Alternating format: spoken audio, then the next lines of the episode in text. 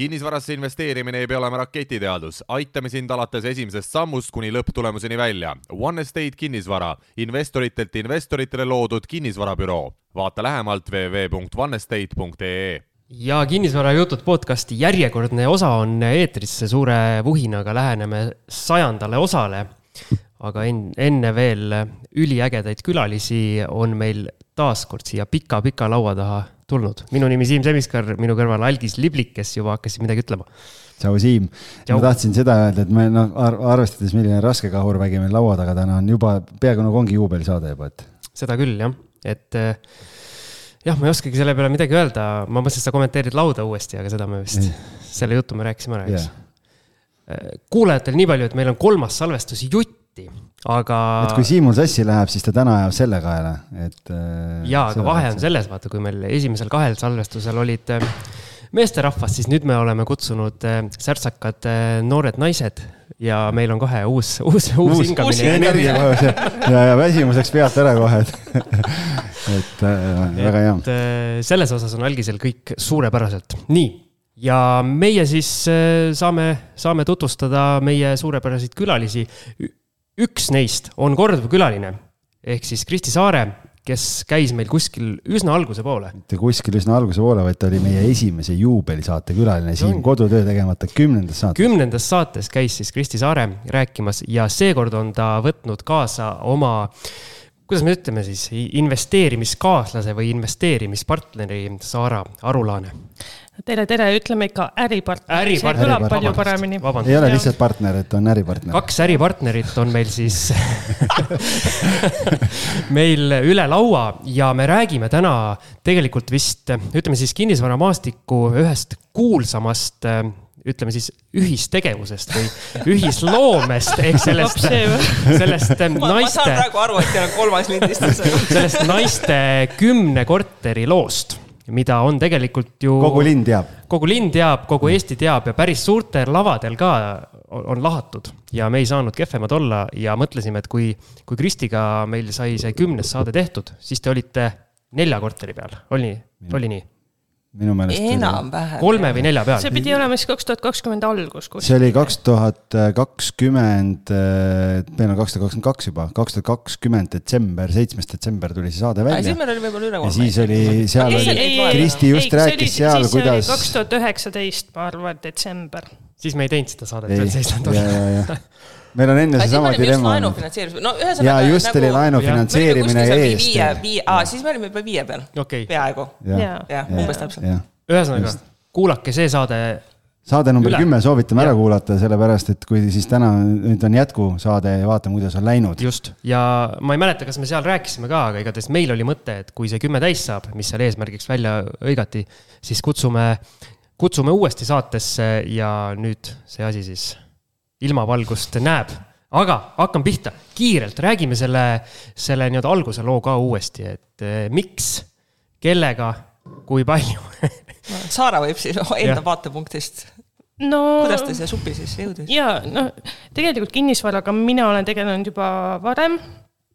et mul on abikaasaga kahe peale on kolm korterit väljaspool seda meie ühist ettevõtet siis. ja, ja mina oma esimese üürikorteri sain päranduseks, see oli nii, et ma hakkasin üürima kortereid, korteriüüriga hakkasin tegelema juba tegelikult äh, tudengiajast, see on mingi kaks tuhat üksteist, midagi, midagi sihukest. headel aegadel. nojah, kas need tudengiajad saavad head olla, see on omaette küsimus, aga ma mõtlen kinnisvara hindade mõttes ilmselt. nojah, aga vaata, siis ma olin liiga vaene, et midagi osta.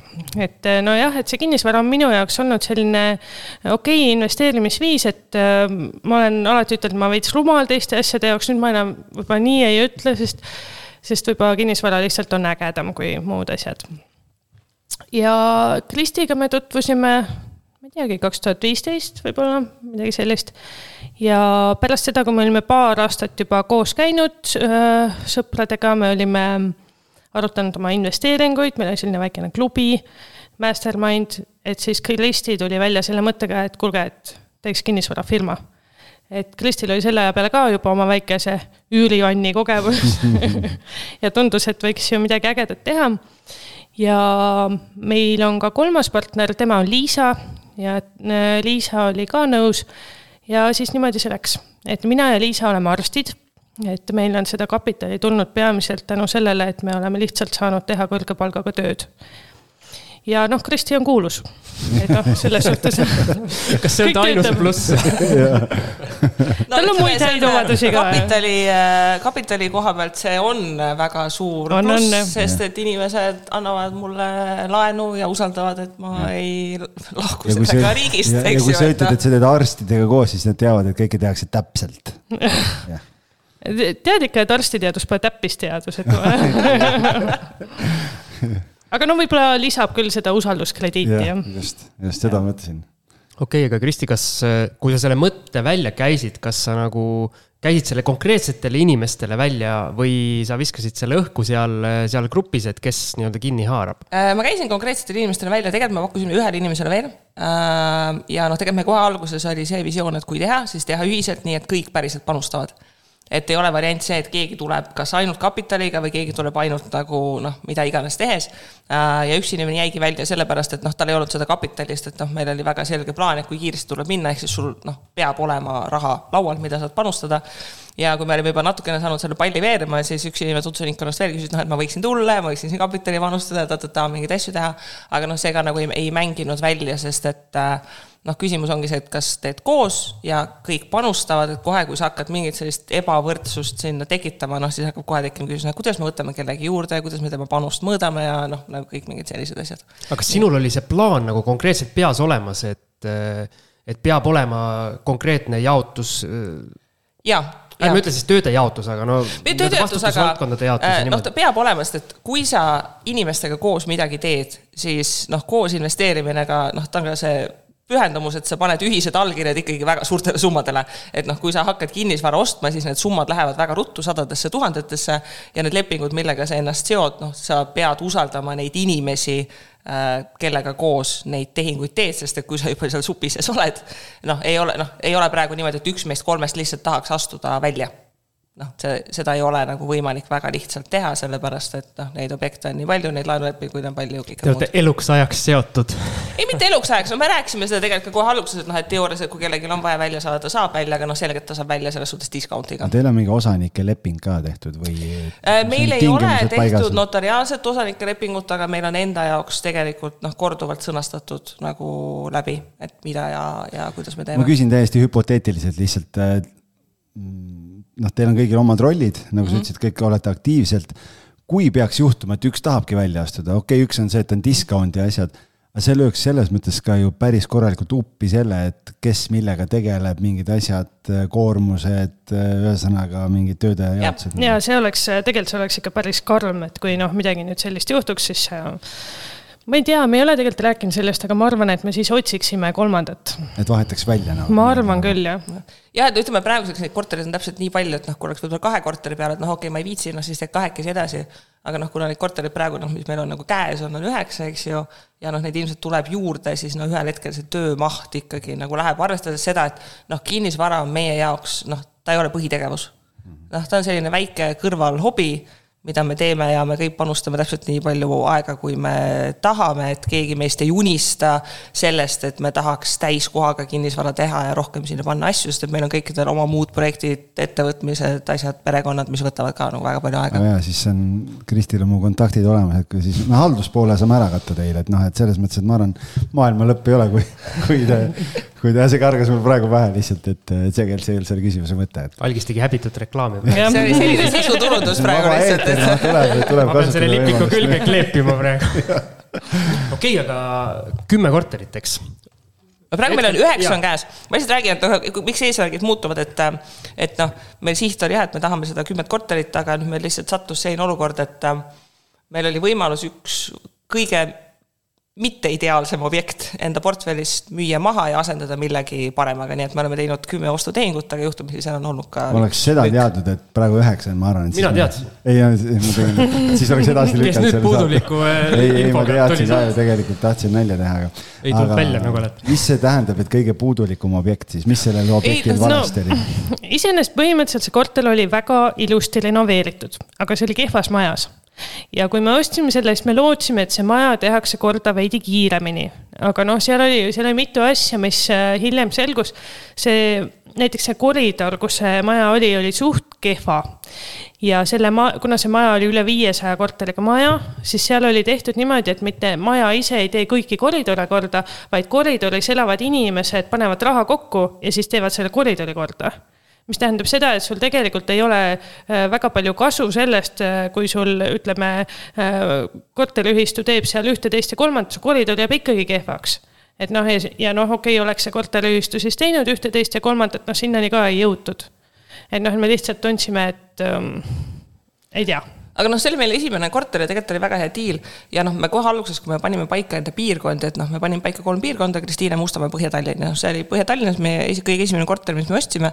ja noh, selle kahe poole aasta jooksul pärast seda esimest ostu, no me ei leidnud Põhja-Tallinnas mitte ühtegi teist diili no ja siis lõpuks tuli ka see küsimus, et noh, kas me tahame seda linnaosa jätta enda huviorbiiti, et kas me tahame kulutada aega, et me nagu jälgime seda.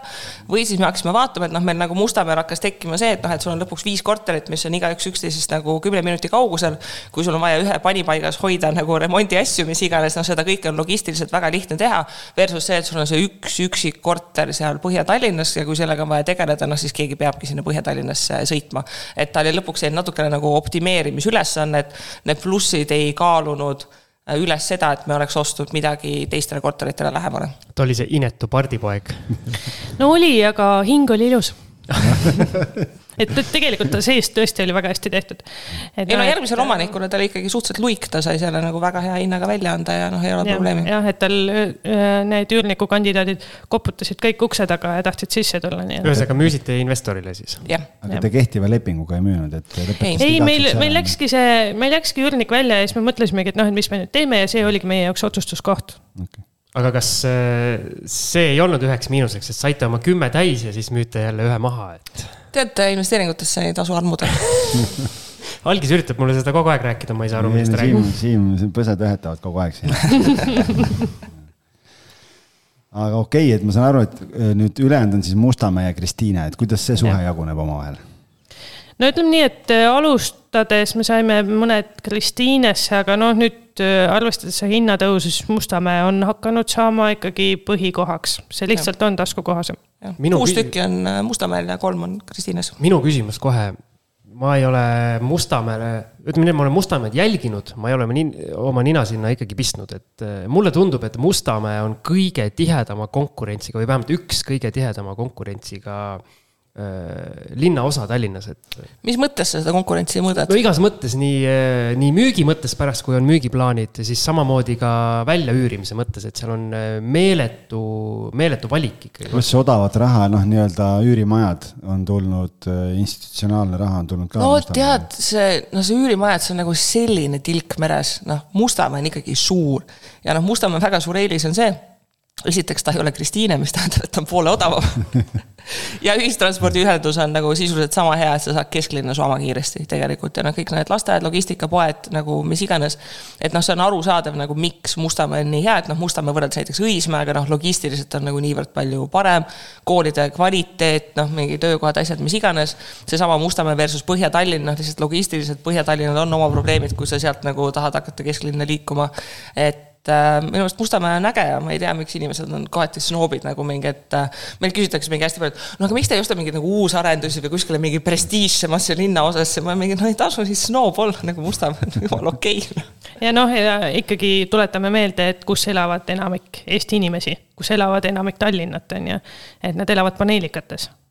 Et noh, selles suhtes, et me teemegi konkreetse turu jaoks, me teame neid kortereid, noh, nüüdseks me teame inimesi, kes sinna tulevad, et noh, selles suhtes, et et kui me näiteks hakkaks äh, vaatama uusarendust, siis äh, kogu see, kogu see asi läheks teistsuguseks, meil oleks vaja teistsuguse kvaliteediga, ma arvan, sisustust sinna, meil on teine üürniku profiil. noh, et see on nagu, see on nagu uus turg, mida avastada, põhimõtteliselt nagu uus linn oleks no mulle tundub äh, nii-öelda Mustamäe või ükskõik, võtame siis kasvõi Lasnamäe ka, et sellise suure konkurentsiga sa pead kuidagi silma paistma. minu loogika ütleb, et sa paistad silma kas hinnaga või kvaliteediga. mitte ainult mina ütleks, et ja noh, minul näiteks, ma käisin täna korterit näitamas, küll Kristiine oma, aga siiski inimesed ütlesid, et ja, et mulle paistis see kuulutus kohe silma, et oli väga selgelt öeldud ja lapsed ja lemmikloomad olid lubatud. vot ja see on kolmas asi, millega saab mm -hmm. tänapäeval silma paista, mis mulle meeldib. algis on mind õpetanud. nii et äh, midagi teil on lubatud lapsed. õppinud ka ikka, jah? jah, lubatud lapsed, lubatud loomad, kõikides korterites.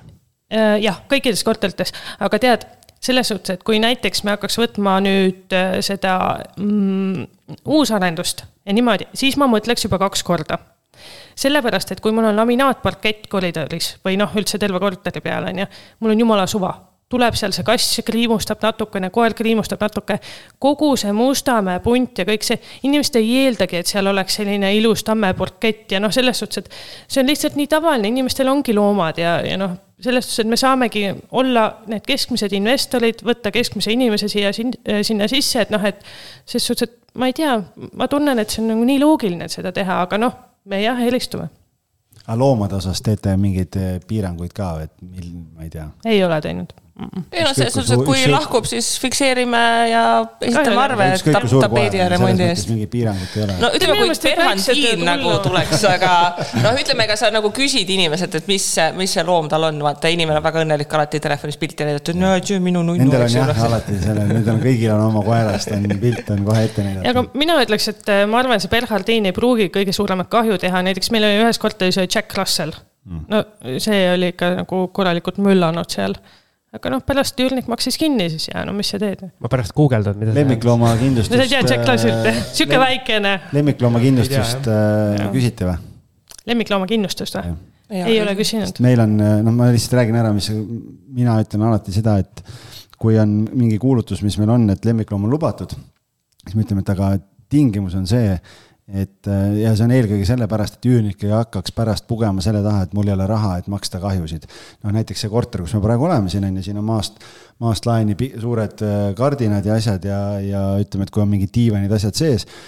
et, ähm, et siis on see, et ütleme näiteks, et ma ei tea, kahju on tuhat seitsesada eurot, on ju nii, noh, ja kui sul on ühe kuu tagatis on võib-olla seal, ma ei tea, tuhat kakssada mingil korteril näiteks, siis see ei kata seda kahju ära ehm, ja siis ongi küsimus nüüd selles, et kas üürnik maksab, kui tal on lemmikloom, kas ta maksab ise lemmiklooma tekitatud kahju või maksab kindlustus. if kindlustusel on kolm erinevat paketti. kõige tavalisemal paketil vastutuskindlustust ei ole sees üldse lemmikloomakahju eest.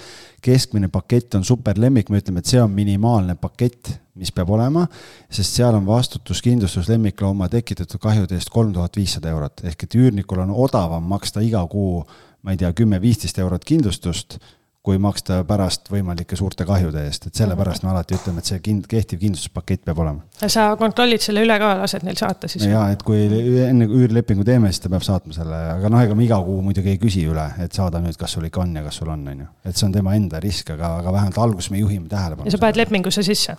Eh, jah, meil on lepingus on sees punkt, et üürnikul on lubatud, ma ei tea, et ta või noh, et üürileandja on teadlik, et üüri, üürnikul on üks koer ja rohkem lemmikloomi ei ole lubatud võtta ja üürnikul peab olema kogu üürilepingu vältel kehtiv äh, lemmikloomakindlustus. ja noh, sa pead lihtsalt arvestama seda, et meie korterites ei ole mitte ühtegi mööblieset, mis maksaks rohkem kui kakssada viiskümmend eurot, ma arvan. et no, ütleme, kui see on no, klassikaline Mustamäe kahetoaline mm -hmm. paneelikas on ju, kus sul on. seal, seal, seal ei olegi nagu selles suhtes nii palju sisustust, mida nagu hävitada tõenäoliselt. ja noh, kui sul on mingid rulood või mingid asjad, noh siis seda võimalikku kahju on nagunii vähem, et, et, et seal peabki nagu hindama neid asju. aga lihtsalt me oleme nagu teadlikult sellepärast just teinud, et üürnik tunneks seda vastutust, et ta teab, et okei okay,, et ma pean seal tegema ja, ja ma nagu noh, et ja siiamaani on päris hästi toiminud ka. no aga ma küsin siis otse, kui palju teil äh, lemmikloomadest või lastest tekitatud kahju on vaja sisse nõuda olnud? No see Jack Russell oligi nagu kõige suurem, tema oli tõmmanud tapeeti maha, närinud seda voodit ähm, see on nagu taksi moodi juba selline. Jack Russell, see on nagu kellegi nimi nagu mingi. Jack Russell, see on see selline, multikates on selline ilus valge, mustvalge, hästi aktiivne koer, kellega tegelikult tuleks metsas jooksmas käia. ja, et tema, tema tegigi nagu, kassid on olnud, kas kellelgi rotid või ma ei tea. nagu rohkem ei olegi tegelikult olnud, et need, kes kassidega on olnud, need, ma ei tea, midagi ei ole juhtunud nagu, et võib-olla ilmselt meil on ka õnneks läinud, jah ma korra tulen selle laste teemaga sisse, et kui minu käest keegi küsib nagu, et noh, kas lapsed on äh, lubatud, siis mul on alati see küsin, et noh, et et mis mõttes ei ole nagu, et kuidas saab öelda, et ei ole lapsed lubatud, et oled sa tont või inimene nagu. et küsimus on lihtsalt selles, et noh eriti kui siin Ukrainas sõda hakkas, on ju, siis tuli mingeid päringuid sisse, kus oli mingi kahetoaline korter, kolmkümmend üks ruutu, on ju. ja siis eh, tuleb päring umbes, et noh, me oleme kaks täis, kolm täiskasvanut ja kaks last ja koer, on ju. ütlesin noh, kolmkümmend üks ruutu, et kas te pilte vaatasite, et see ei, ei, nii paljudele inimestele lihtsalt ei sobi.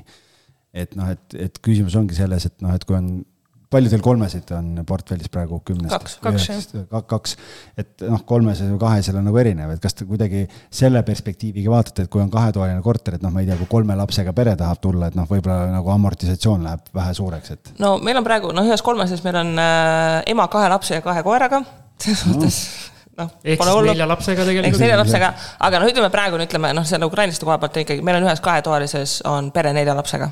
ja põhjus, miks nad on seal, on see, et keegi ei olnud nõus neile üürima. noh, punkt, me ütlesime neile ka, et noh, saate nagu inimlikult aru, et noh, see noh, teil ei ole okei okay. ja nagu reaalselt seal ongi lastele kolmekorruseline nagi, sest et neil lihtsalt ei olnud mitte kuskile minna, noh, mida sa teed. et no muidugi jah, muidugi sa eelistad, et inimene oleks nagu mõistliku suurusega korteris ja noh, ta võikski olla.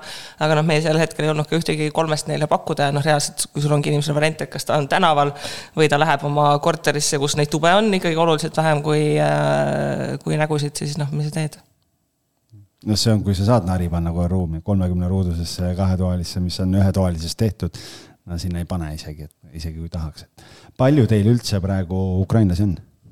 kolmes, kolmes korteris. kolmes jah, üks kolmandik nad on kõik meeletult stressis olevad üürnikud, noh, lihtsalt reaalselt kuus kuu nagu algab, nad nagu kohe saadavad sõnumi, et millal tuleb arve, mille saaks ära maksta ja siis, kui sa arvet kohe ei saada, siis nad on juba stressis, et ma tahaks Aa, arvet maksta. sellepärast stressis, et, et nad tahavad olla ülikorrektsed. ja, nad tahavad olla ülikorrektsed ja, ja, ja reaalselt nagu, kui sa saadad arve ära, siis nagu üks üürnik on reaalselt, ta on kuuekümne sekundi jooksul, see arve on nagu makstud ja saadab sõnumi, et kas see tuli kohale. ja see võib nagu tunduda naljakas, aga sa nagu noh, sa inimlikult mõtled, et neist on nagu nii kahju, et nad tahavad nagu no reaalselt nagu niimoodi joone peal olla, et ei oleks mitte ühtegi põhjust kellelgi nagu. see on huvitav, meil just öelda. eile oli arutelu, meil on ka ukrainlasi ja halduses olevate korterite seal üürnikena ja, ja mingi teema on, et neid ei saa kätte ei vasta meilile, ei vasta telefonile, siis meil eile ühe korteri puhul ei jäänud muud üle me lihtsalt äh, võtsime tööandjaga ühendust, küsisime, et kas see inimene töötab veel teil ettevõttes või ei tööta, noh, ta oli nagu kõrgel kohal, Ukrainast äh, kontorist toodi Tallinnasse üle. Ja, ja siis tööandja ütles, et jaa, jaa, ta on olemas, aga ta ütles, et okei okay,, et noh, et see nagu noh, näha oli, et tööandjat nagu häiris, ta ütles, et ma räägin temaga, et tegelikult noh, see nagu ei ole okei. Okay.. et, äh, et ei tea jah, et nagu inimene ei, ei taha suhelda väga, aga kui on mingi kriitiline olukord, noh, sa pead ta kätte saama, noh, et äh, no eks nendel on, nagu. eks see tegelikult, kui vaadata nüüd seda ukrainlaste kultuuri ja üldse noh, et selles suhtes ma näen, et inimesed on noh, nad, nad ei ole harjunud niimoodi, nad ei ole harjunud sellega, et neile tuleb arve eks ole.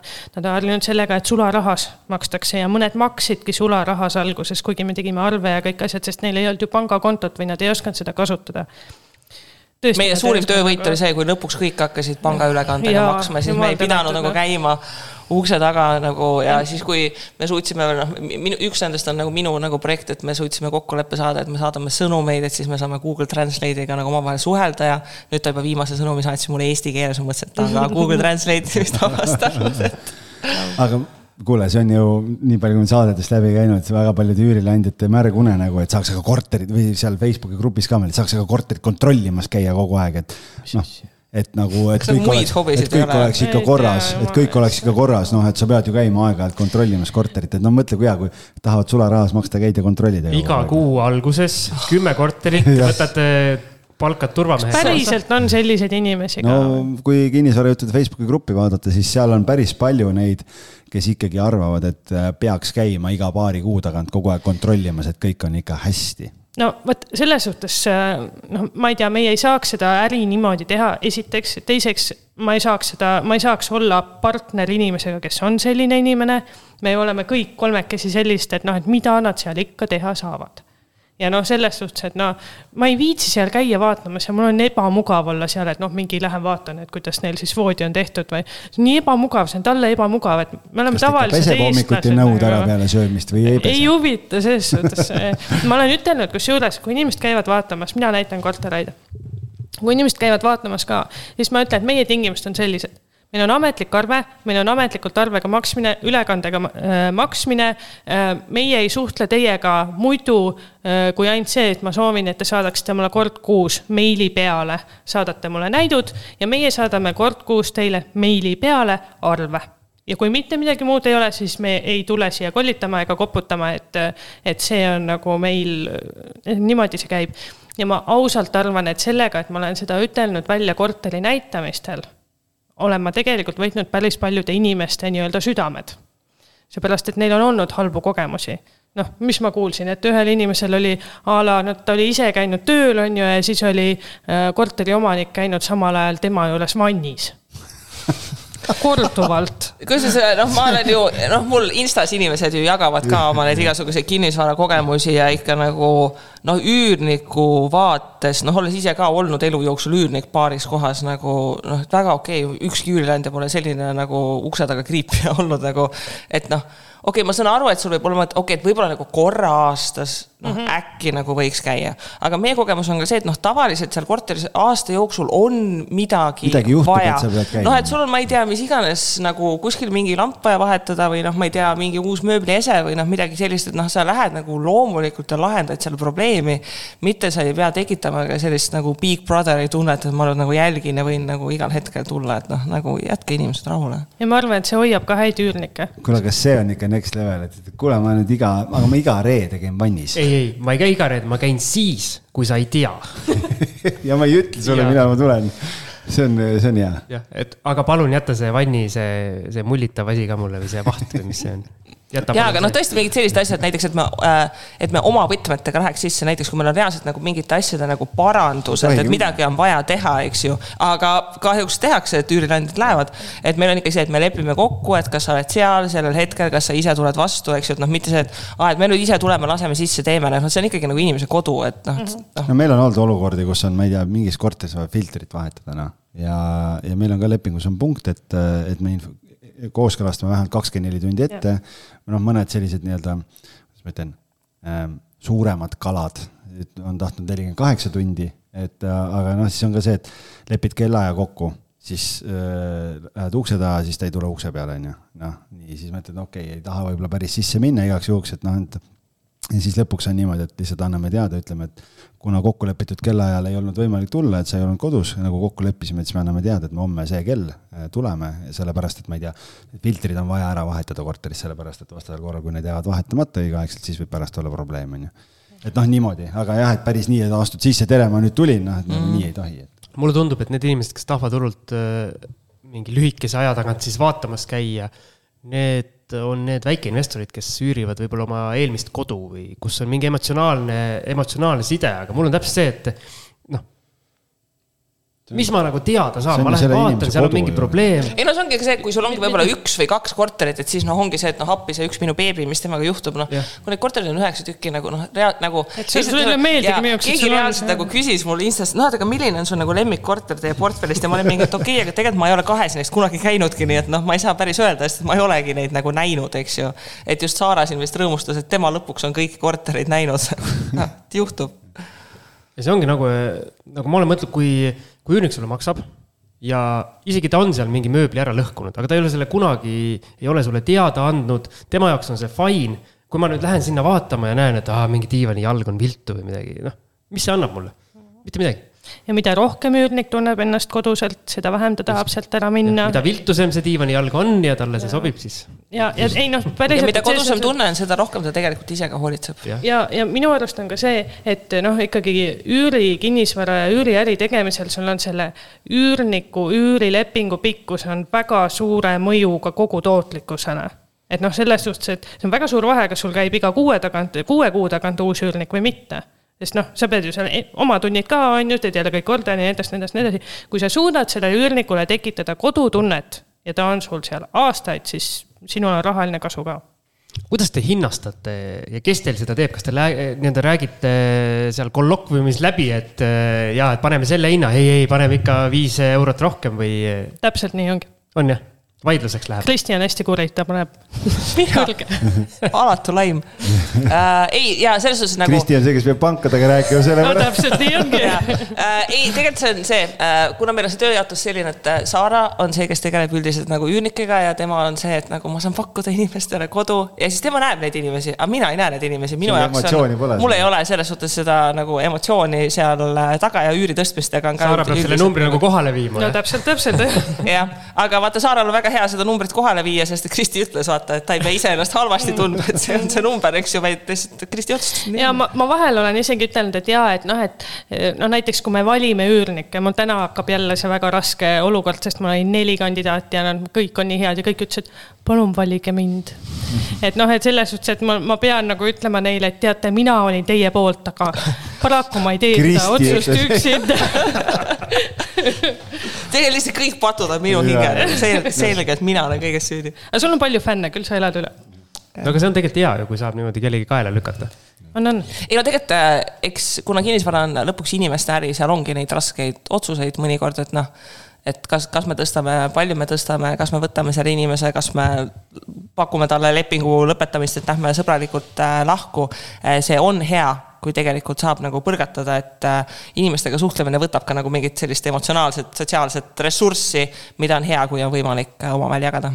Aga ma tulen nüüd korra selle juurde tagasi, et äh, Saara ütles just, et noh, et, et kodu, et oleks inimesed pikalt ja nii edasi, et et kui see üürihind, mida te küsima lähete, siis et te küsite nii- nii-öelda turu keskmist või lähete ülemist otsa küsima või noh, sest mis selle peaaegu saja saate jooksul minu äh, jaoks on üllatusena välja tulnud, on see, et väga palju on investoreid, kes ütlevad, et ah, ma küsin turuhinnast natuke madalamat. sellepärast, et äh, inimene, et siis Saaks ta, valida. et, et, et saaks valida ja et ta on kaua, just sellepärast, et noh, et siis nad tihtipeale on kaua, pikka aega. et mis see teie me strateegia ikka pigem küsime turuhinda, me, me ei lähe nagu pigistama seda viimast otsa, aga me pigem ikkagi küsime turuhinda, et noh, me ei lähe kohe low-ball ima ja noh, ütleme, see on nagu see koht, et tuleb vaadata turgu ka praegusel hetkel, kui sa paned turuhinnas korteri üles, sul nagu kirjutab 50 mingi. Nelja tunniga mingi Mis kaheksa 50?. kahe tunniga sai seitsekümmend inimest. palju rekord jah? jaa, üle seitsmekümne, ma praegu wow. ei ole lugenud, ma panin esmaspäeva hommikul ja nüüd on, no kuuskümmend oli eile täis, on ju, ma ei tea, ma arvan, üle seitsmekümne on ikkagi. liiga madal hind jah. aga tead, ma ütlen ausalt, selles suhtes ma olen nõus sellega, et madalam hind on parem kui halvad üürnikud. et noh, mul on, mul on võimalus valida. et. aga ei, mina ei lase nagu turuhinnast väga allapoole panna, noh nagu Kristi on nagu see kuri seal nagu, kellega, et. kellega me seda rääkisime just siin, eelmine või üle-eelmine saade oli, kus äh,, äh, kus ma ütlesin ka sedasama, et aga kas on vaja seda kvantiteeti? ei, ütleme, seal on ka, ei, seal on ka see koht, et äh, vaata nendele nagu ei ole kellelegi äh, suur pingutus, et kui Saare paneb kuulutuse Facebooki gruppi üles, et tema kirjutab Saarele postkasti, see on temale nagu zero effort, eks okei, ju. sealt tulebki mahtu ju ja palju, jah. aga noh, see lahendus on see, et ikkagi Saare valib mingid inimesed välja, kelle ta kutsub nagu vaatamispäevale. no vot, kuidas sa valid need? Mina olen Facebookist täielikult loobunud ja sest ma ei jaksa ka., ma ei jaksa lihtsalt selle, selle massiga Is this tegeleda. still available jah, ja sest, siis äh, vastad ja mitte midagi. kui sa teed veel Tallinnast väljaspool ka, siis pooled inimesed ei saa aru, et see korter ei ole üldse Tallinnas. no selles suhtes see on nüüd äh, see, miks meil see kolmekesi tegemine nii hästi toimib, sest mina olen täiesti inimeste inimene et sa naudid nendega, nende Me- suhtlemist. ma ütlen ja, et noh, et noh, mõnes mõttes ma olen arst ka, vaata, ma olen harjunud hästi palju suhtlema, kogu aeg patsiendid käivad, inimesed käivad, on ju. ja igasuguste veidrustega. igasuguste veidlustega olen õppinud seda kivi nagu väga hästi tegema. ja enamasti stressiolukorras vist, inimesed. jah, inimesed ise on küll stressiolukorras, jah. Et eh, selles suhtes, et minu jaoks ei ole probleem, jah, lõpuks ma mõtlen küll, et no jesus ja siis eriti, kui nad kohale ei tule, siis ma mõtlen, et on tead, võtke teid ka mida iganes. et. aga need lood, mis sealt tulevad, on nii head. aga see on hea, hea, hea. see meele, kinnis, noh lihtsalt see kinnisvara. meelelahutusväärtus nagu investeeringuna, noh seda ei ületa. ma olen nõus,. näitamispäev on üks ägedamaid eh, meelelahutuslikke aspekte, mis sa võid iseendale pakkuda. jah, aga kas seda vaja on? küsimus. aga kuidas, sa valid siis? aga kuidas ma val- ähm,, no ausalt öeldes äh, ma olen veits sihukene grämmernatsi, et äh, peab nagu normaalselt olema kirjutatud see koma viga on kuulutus. sees, siis on mine otsi mujalt. ei no mitte komaviga, aga noh, kui sul on korterit üürida ja sul on võimalus nagu endast jätta täpselt nii palju muljet, kui sa kahe reaga Jah. kirjutad ja kui noh, ei tule nagu täis lause, ju, see siis on ju nagu noh. öeldakse, et see kolme sekundiga vahet ei ole, kas face to face või, või noh, et sa Jah. jätad esmamulje, Jah. et samamoodi kui sa kirjutad nagu nii, et suurt algustähte ei ole, punkte, komasid, mitte midagi ei ole, paned mingi pika rodu, noh siis see jätab inimese intelligentsist või nagu. nojah, kui No konto ei nimi on. Kiisu-Miisu ka, siis noh. ja täpselt noh, et noh, et sa ei saa nagu, sa tead juba, et mis, mis sealt tuleb, on ju. ja, ja loomulikult ka see, et noh, et kui mul on kirjas, kirjas, et me kahjuks ei räägi vene keelt ja ta kirjutab mulle pika teksti vene keeles, siis tead, ma lihtsalt, ma ei, ma ei suuda. ja ma vaatan neid profiile, kui inimene kirjutab mulle näiteks, et äh, jumala esmaspäeval ka, kas ma võin saata häälsõnumeid mul oli nagu tõesti ette, palun ära saada. ja siis ta ikkagi muidugi saadab lõpuks.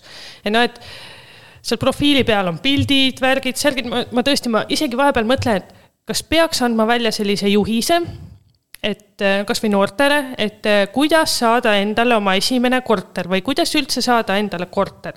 A, sa paned Facebooki oma päris nime, mitte see Kiisu-Miisu või mitte whatever. perekond, olen. perekond oled täpselt Peeter olen, no tore, tore. teiseks ei ole eluülikool pandud hariduseks. kui sa tahad korterit, siis sellest ei piisa, et sa kuulutuse alla kirjutad interested või noh whatever, huvitatud. ei, ja siis on minu meelest ma ükspäev just nägin mingi veel, veel eriti kõrge pilotaaž on see, et omanik on kirjutanud näiteks juurde, et on üürida korter, on ju.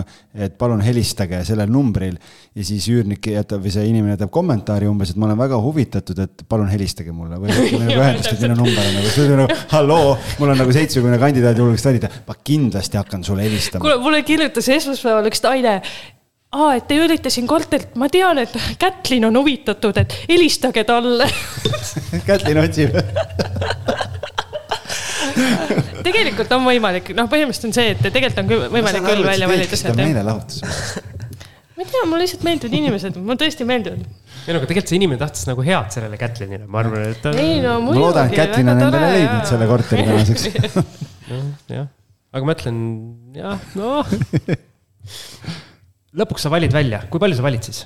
keda sa reaalselt nagu kutsud end, nagu vaatama? no, no ma üritan olla selles suhtes poliitiliselt korrektne, et ma valin ka teise võõrkeele ja noh, selgelt näha mitte eestlasi, on ju, aga ma üritan niimoodi, et noh, mingi kaheksa päevas, võib-olla rohkem. ja mitu päeva?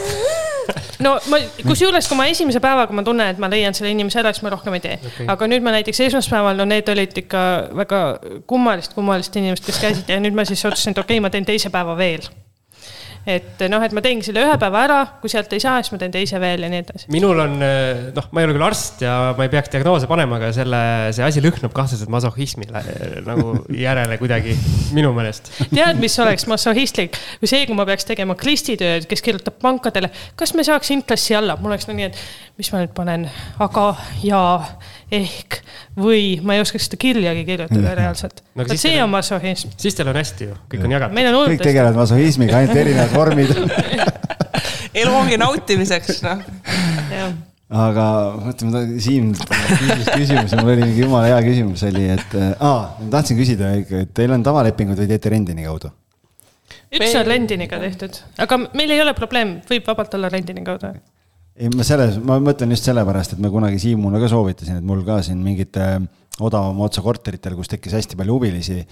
ma lihtsalt tegingi selle lükke, et ma saatsin, ütlesin, et äh, siin on see rendini link, palun täitke ära, et taustakontrolli jaoks Siim keilas ju ka seal kolmteist esimest kandidaati vist olid punased umbes, et noh, et, et siis kohe elimineerida ära need üldse, et äh, ei pea, ei pea nagu aega raiskama, et ütleme, eks seal on ka see, et kuna me ei pane oma hindu nagu väga madalalt, siis noh, see natukene ka nagu filtreerib inimesi, noh, kes otsivad võib-olla kõige odavamat otsa, et noh, nad ei hakkagi ka Saarale nagu kirjutama, et tahaks tulla.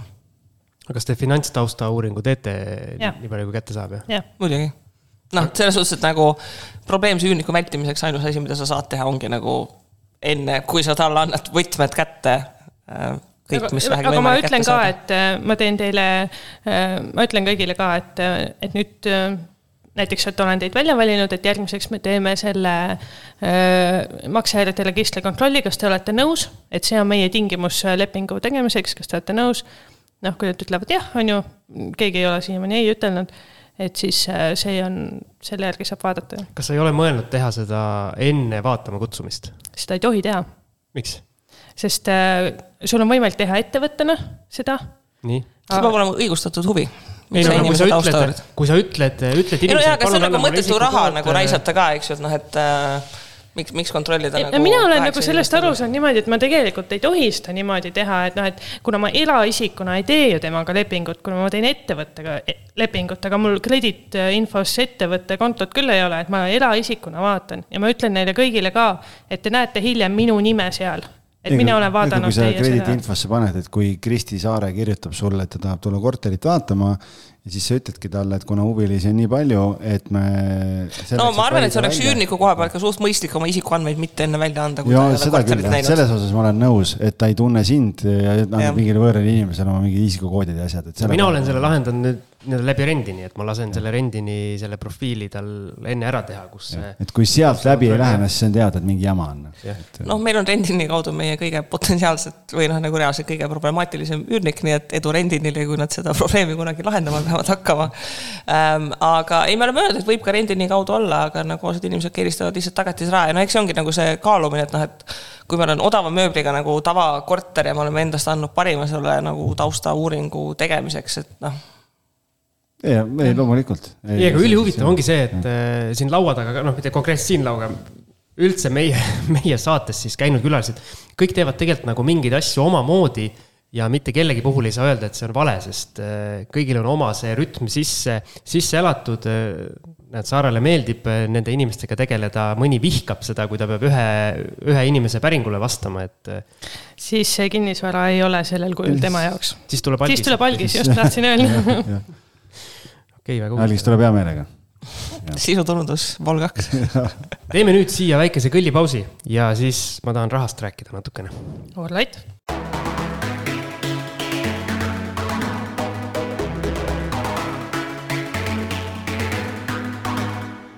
Nii, Algis, said keeksi söödud? nii hea oli, aitäh sulle. palun, see on Depo keeks sisuturundus vol kolm nii et eh, jah. ei no, pood... no te ei tea seda, ma siin eelmises saates rääkisime, et, et ma ütlesin Siimule, et eh, kata laud täna, onju, et me ei jõua poodi, sest kuhu läheb üks eh, meesterahvas. me rääkisime sellest enne salvestust. jah, läheb deposse, noh.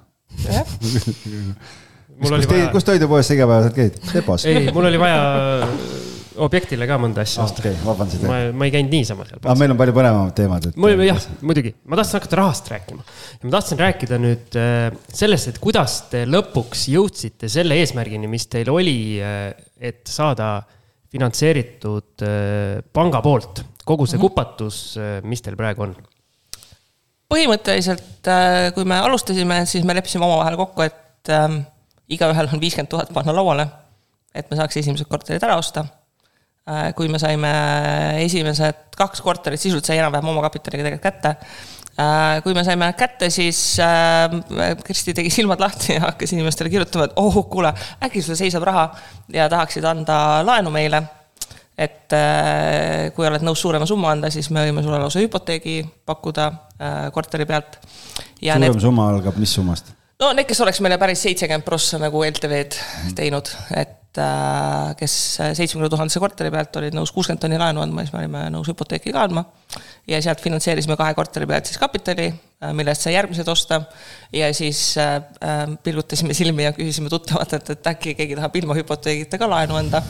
oli neid inimesi? oli neid inimesi ja siis äh, selle sisse laenatud raha pealt siis saimegi esimesed viis korterit ostetud, rahavoo jooksma ja siis, kui pidulikult ettevõte sai aasta vanuseks, et esimene majandusaasta sai nagu täis, ähm, siis ähm, kirjutasin panka, et kuulge, meil on siin nagu selline business plan, et meil on viis korterit, rahavoog jookseb, et oleme ilusad, targad, osavad ja siin näen, meil on siin kuues korter, tahaks osta.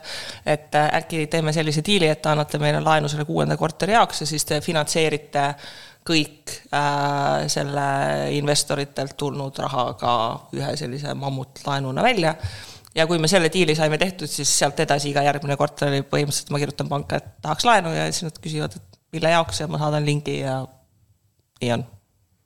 kui palju see nii-öelda mammutlaenu väljarääkimine ja välja, väljaajamine ja sobivaks timmimine aega võttis? Paar kuud või? ja, ja noh, paar kuud ja no ühesõnaga, eks sa esitad, esitad seal mingeid rentrolle, eks ju, et raporteerid ja siis sa räägid oma suurepärastest plaanidest ja siis sa jagad, et tegelikult me oleme noh, kuna me ju tegime täiesti nullist uue ettevõtte, täiesti tühja koha pealt, eks ju. noh, siis me pidime rääkima, et tegelikult me oleme kõik nagu kompetentsed inimesed, kellel on nagu mingit eelnevat nagu kogemust ka, et saame maailma asjadest äh, aru ja et kuidas see äri plaaniliselt võiks joosta ja noh, siis Äh, noh, arusaadavalt pank ei tahtnud meile üldse väga odavalt seda laenu anda, aga me olime mingi, et aga, aga, aga see, et ei taha odavalt anda, tähendab, et te ikka olete nõus nagu kallilt vähemalt andma, mis on juba ses suhtes no,. pool võitu juba. pool võitu juba, sest et noh, point ongi selles, et sul on nagu seda, seda panga finantseeringut saada, sellepärast et meil need välislaenud olid äh,, suur osa oli bullet'id. ehk siis noh, me läksimegi selle plaaniga, et me peame need nagu välja refinima ja, ja me paar kuud seal jagelesime põhimõtteliselt, kuni oligi see, et see esimene majandusaasta sai päriselt nagu tehtud ja saime pangale nagu esitada, et näed, et siin on nagu päriselt nagu majandusaasta aruanne, et päris dokument oleme ära esitanud. ja siis mingi reaalselt mingi kuues jaanuar oli see või seitsmes jaanuar oli jah, see kuuenda korteri ost ja kogu selle mm. laenupoti nagu refin ja noh, ta seal ongi nagu sellist noh, detaile, mis nagu Saaras tekitavad õudu, eks ju, et noh, et see et täpselt need arvutused, et selle kuupäevaga on selline intressimaksesumma, mis peab olema makstud ja noh, vaata kõik need kanded teistele investoritele, noh, me ei teinud neid ju ise, vaata, need läksid ju kõik ju panga poolt nagu läbi. ja kuna seal oli paar hüpoteeki ka ja mõni inimene ei olnud Eestis, siis äh, see oli ka väga tore ostutehing, sest et meil müüs selline vana paar kuuekümnendates, kellel nagu digitehnoloogilised oskused olid nagu olid, eks ju. ja siis oli vaja kaugtuvastamist teha, eks ju, sest et üks inimene oli Norras või kuskil, ma ei mäleta, kus ta oli. ja siis oligi nagu need korteri omanikud, eks ju, mina, siis olid pangad ja siis olid veel kaks hüpoteegi omanikku ja siis noh, lõpuks nagu see. pidu noh, seal oleks nagu. kõik no, rippus selle ühe inimese. seal nagu põhimõtteliselt nagu noh, väga hea, et kellelgi midagi nagu kokku ei, ei jooksnud, et sai nagu selle kompoti nagu ära lahendatud, et teist korda meil rohkem, meil nii palju inimesi korraga ei ole seal notari kõnes ähm, ja, olnud. see vanainimesel, sellel noh, vanainimene, see keskmiselt vanem inimene ehk siis üle keskea, temal oli veel siis see meie maakler ka kõrval, kes noh, hoidis põhimõtteliselt käest kinni, näed nüüd vajutad seda nuppu, vajutad seda nuppu ja nii. see oli tõesti mammut, aga noh. tehtud ta sai. suur, suur hetk meile aga kas te rääkisite läbi ühe pangaga või sa ikkagi viskasid need õnged välja igale poole? Äh, ma rääkisin ühe pangaga, sest et äh, ma teadsin, et ma tahan nii võimatut asja. et äh, siis me mõtlesime, et nagu kes võiks see pank, kellega me tahaks nagu järjest finantseerimisega minna ja siis ma mõtlesin, et noh, nagu toetame eestimaist ja, ja lähme LHV peale. ja me hindasime tõenäosus, et noh, selles suhtes nagu, et oleme ausad, et ma hindasin tõenäosust, et Kristi Saare läheb neilt laenu küsima, läheb nagu kõige lihtsamini läbi selles suhtes.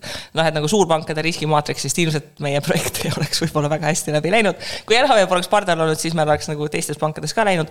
aga noh, kuna selles suhtes nagu nad olid läbiräägitavad mingite asjade koha pealt, siis äh, läks see diil, aga noh, nüüd eks mul siin see suveprojekt peab olema, et kuna meil on neid kortereid piisavalt palju ja siis äh, mulle selles suhtes meeldib, et müügitegevus, kuidas Eestis käib, on see, et ma kirjutasin nagu blogipostituse ja ütlesin, et noh, kuulge, et nagu LHV laenud on nagu ilgelt kallid äh,. siis üks teine pank, äh, ärikliendi haldur helistas mulle, et ma siis lugesin, et teil on nagu laenud natukene kallid.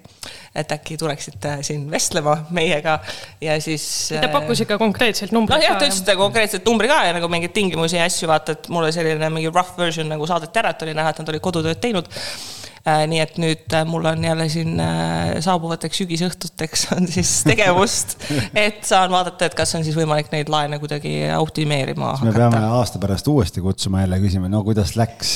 jah ei no ikka läheb hästi, no ühesõnaga, eks see on see, et kui nüüd on nagu teised variandid on noh, nagu me praeguseks on see ettevõte piisavalt küps, eks, et noh, me oleme väga tugevalt rahavoo positiivsed, eks ju, me oleme kapitali kasvu sealt nagu kahe aastaga sisuliselt nagu viiskümmend prossa, noh, okei okay,, nelikümmend prossa on nagu mingi ostuväärtusest on kapitali kasvu tulnud. et nagu me kogu selle portfelli turuhinda nagu ümber hindaksime, siis noh, ma vaatasin, et kui nagu ilgelt nagu tahaks sebida, siis me suudaks tegelikult praktiliselt kogu oma kapitali sealt nagu noh, laenuga välja finantseerida, sest et noh, kui tõmmata need LTV-d nagu uuesti nagu maksi ja maksgraafiku peale.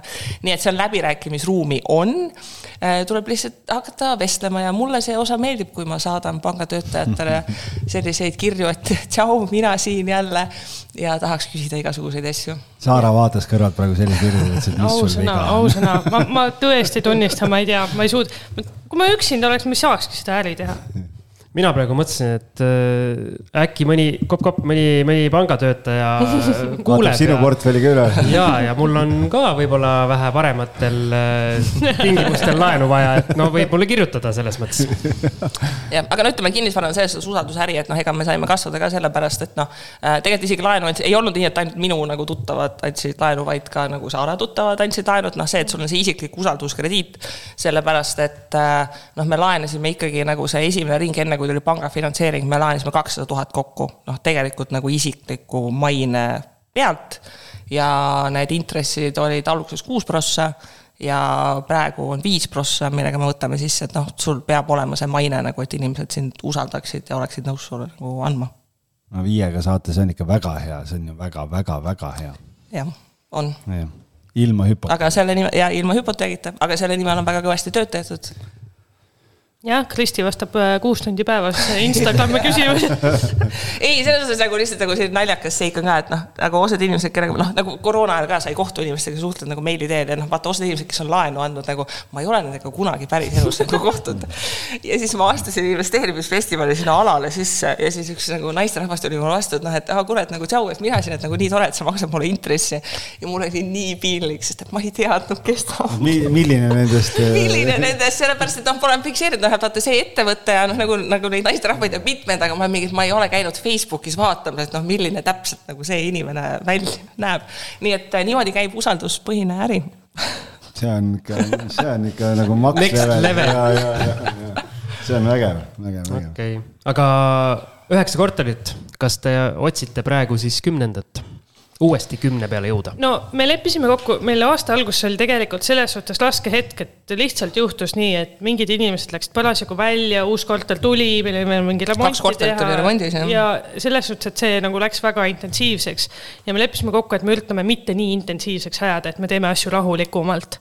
mis tähendab seda, et noh, et praegu on, ma ühe korteri annan välja, mul on üks korter veel välja andmata, et kui nagu need asjad saavad kõik tehtud, siis me võime hakata mõtlema, kui Kristi saab veel pangaga ka räägitud või pankadega ja meil on see LTV-d saame paremaks, nii et noh, me saame nagu rohkem, rohkem kapitali, et siis jah, me võime vaadata küll, jah. siis me vaikselt vaatame, aga noh, ütleme meil nagu noh, see ongi see, et kui meil on energiat osta ja kui me midagi leiame, siis äh,, siis kui meil endal raha ei ole, siis me kirjutame kellelegi, et mul on raha vaja. aga on teil nagu see mindset, et äh, ükskõik, mis turuolukord hetkel valitseb, et siis äh, ikkagi üritate oma portfelli kasvatada, et mingit nii-öelda ajastamist, hinna ajastamist nagu te ei ürita teha? ei ole mõtet.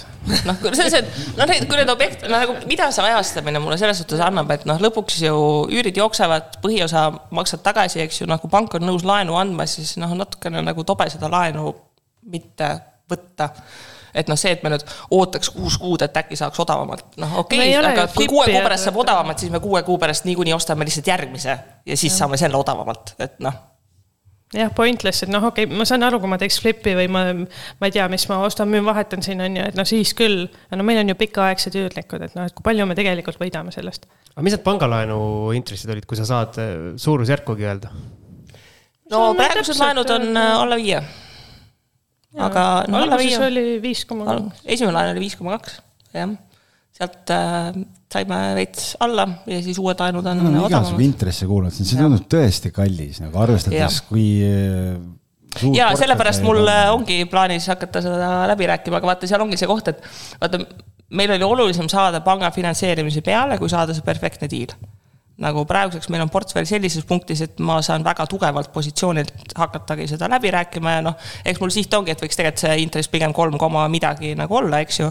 aga see ongi selline projekt, et sa nagu võtad ette ja räägid läbi, noh, kui sa saad alla nelja, see on mega suur vahe ju tegelikult. jah on, on. aga noh, vaata, see ongi see koht, et noh, millele sa paned aega, et noh, kas, kas oleks olnud mõtet oodata ja läbi rääkida, et saaks võib-olla selle veidi nagu parema intressi, noh versus see, et meil oli lihtsalt võimekus tuimalt osta edasi ja noh, praegu kui noh, me ei osta, et siis ma saangi seda aega kasutada selleks, et seda intressi timmida, et ja noh, olgem ausad, keskmine pankade see kriteerium on ka see, et sul on kümme korterit portfellis on ju, sa oled kaks aastat tegutsenud. noh, meie läksime ühe aasta ja viie korteriga.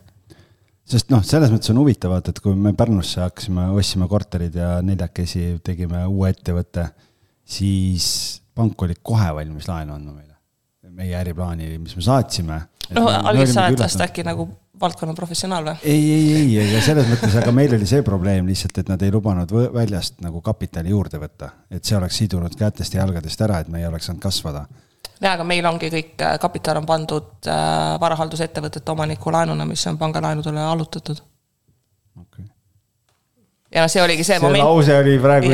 Siimul oli niimoodi kuulame aegluumis järgi pärast, et kui osa kuulab kiirendusega, siis see on see koht, kus peab nagu aeglasemaks panema. lõikan välja ja saadan, saadan noh, naisele. ühesõnaga nagu noh, point being on see, et sa, sa pead valima, millele sa keskendud, nagu meil oli väga selge siht, kui me tahame, et portfell kasvab, siis meil on vaja suruda, et ta kasvab ja me saame pärast optimeerida. kui sa jooksvalt optimeerid, sa ei saaks nii kiiresti kasvada noh, et kui pank ütleb, et okei okay,, et me anname laenu neljakümne viie, nelja koma viiega või siis nagu me ei tahaks anda, noh siis meil on see, et nagu me fine, me võtame nelja koma viiega, me paneme selle üüri jooksma, eks ju, noh praeguseks hetkeks meil on nagu kõikide korterite üürid on juba enam-vähem nagu kahel korral oleme tõstnud, eks ju, et noh, et see nagu cash flow noh, muudkui selles suhtes suureneb. Ja noh, lähed ühest taksust nagu räägid läbi, et noh, praegu on see koht, et noh, mul ei ole mõtet ka pühendada aega sellele, et kui mul on nagu ühe korteri mingi seitsmekümne tuhandene laen, noh nagu noh, mul ei ole mõtet neid kirju vahetada, lepingumuudatusi teha, mis iganes. noh, kui sa lähed ikkagi nagu mitmesaja tuhandest laenu läbi rääkima, noh siis on nagu mõtet vaata neid hindamisakte teha ja kõiki neid muid selliseid asju, et noh. see on selline nagu time and effort vaata, et kuhu sa nagu panustad et meil on kindlasti olnud nagu väga palju mõistlikum panustada sellele, et me leiame uue objekti ja me leiame kellegi, kes nagu rahastab, eks ju, või see, et me saame sinna pangapunti, kui see, et noh, et no ma ei tea, et see intress on võib-olla nagu natukene kõrge, et noh, nagu kümne aasta perspektiivis noh, vahet pole. vot põnev, no vot näed, nii äge, sellepärast oligi vaja kutsuda teid, et äh,. oota, mul on veel küsimusi. ei, ei, ei, ma räägin, ma tahtsin ka edasi. Algis tahab lihtsalt vahepeal kiita meid ka. õige, aga mina tahtsin seda küsida, et kui algus oli teil see kümne korteri plaan, siis kuhu nüüd edasi, sada? no Kristi siin ikka vahepeal poetab, et võiks mingit äh, arendust teha. aga see tuleb siis, kui Kristi ja Liisa oma, on omad äh, majad valmis ehitanud, et siis on meil piisavalt äh, tarkusi. aga. ei, tegelikult meil on laual eri variante, me oleme äh, kuna meil on lihtsalt ise, me oleme ettevõtjad, siis meil on äh, variant, et portfelli lisada mõni äripind, sest et meil on lihtsalt endal ettevõtjatena vaja rentida, et meil oleks võimalik osta see enda portfelli ja siis meil oleks nagu kohe rentnik olemas. me oleme nõus tegema Airbnb-d, ma olen paarile inimesele andnud vihje, et kui nad tahaksid meile mõne hea Airbnb korteri vihje tuua, mida nad ise tahavad hallata nagu, siis me oleks selles suhtes ka nagu täiesti käpad noh, uusarendust, noh, meid lihtsalt nagu ei tõmba ka nagu uusarendused, et selles suhtes, et noh, nende paneelkadega on nagu see, et noh, ta ei ole nagu mingi üliseksikas objekt, aga noh, sa võtad kuulutuse ette, sa nagu tead täpselt, seal on mingi viis eriplaneeringut, eks ju, noh, sa täpselt tead, kui lai diivan sinna läheb, kui mitu ruutu on nagu põrand, eks ju. noh, mis mööbel sinna mahub, palju see reno maksab, eks ju, noh, milline üürnik sinna tuleb. noh see optimeerimise Mitu nagu. kassi naabril on? mitu kassi naabril on, eks ju, noh, ma vaatan seda maja, eks ju, noh, me ju noh, seesama koht, et noh, miks me ei võta Lasnamäed, kus on ka väga okei tiir, me ei tunne Lasnamäed, kui ma vaatan mingit Lasnamäe majakaardi, mul ei ole selle kohta mingit arvamust. ma vaatan Mustamäe või Kristiine maja kaardi, et mul on kohe arvamus, et okei okay,, et see on nagu heas asukohas, see ei ole väga heas asukohas, eks ju, seal on nagu mingid, need asjad on hästi, need asjad ei ole hästi.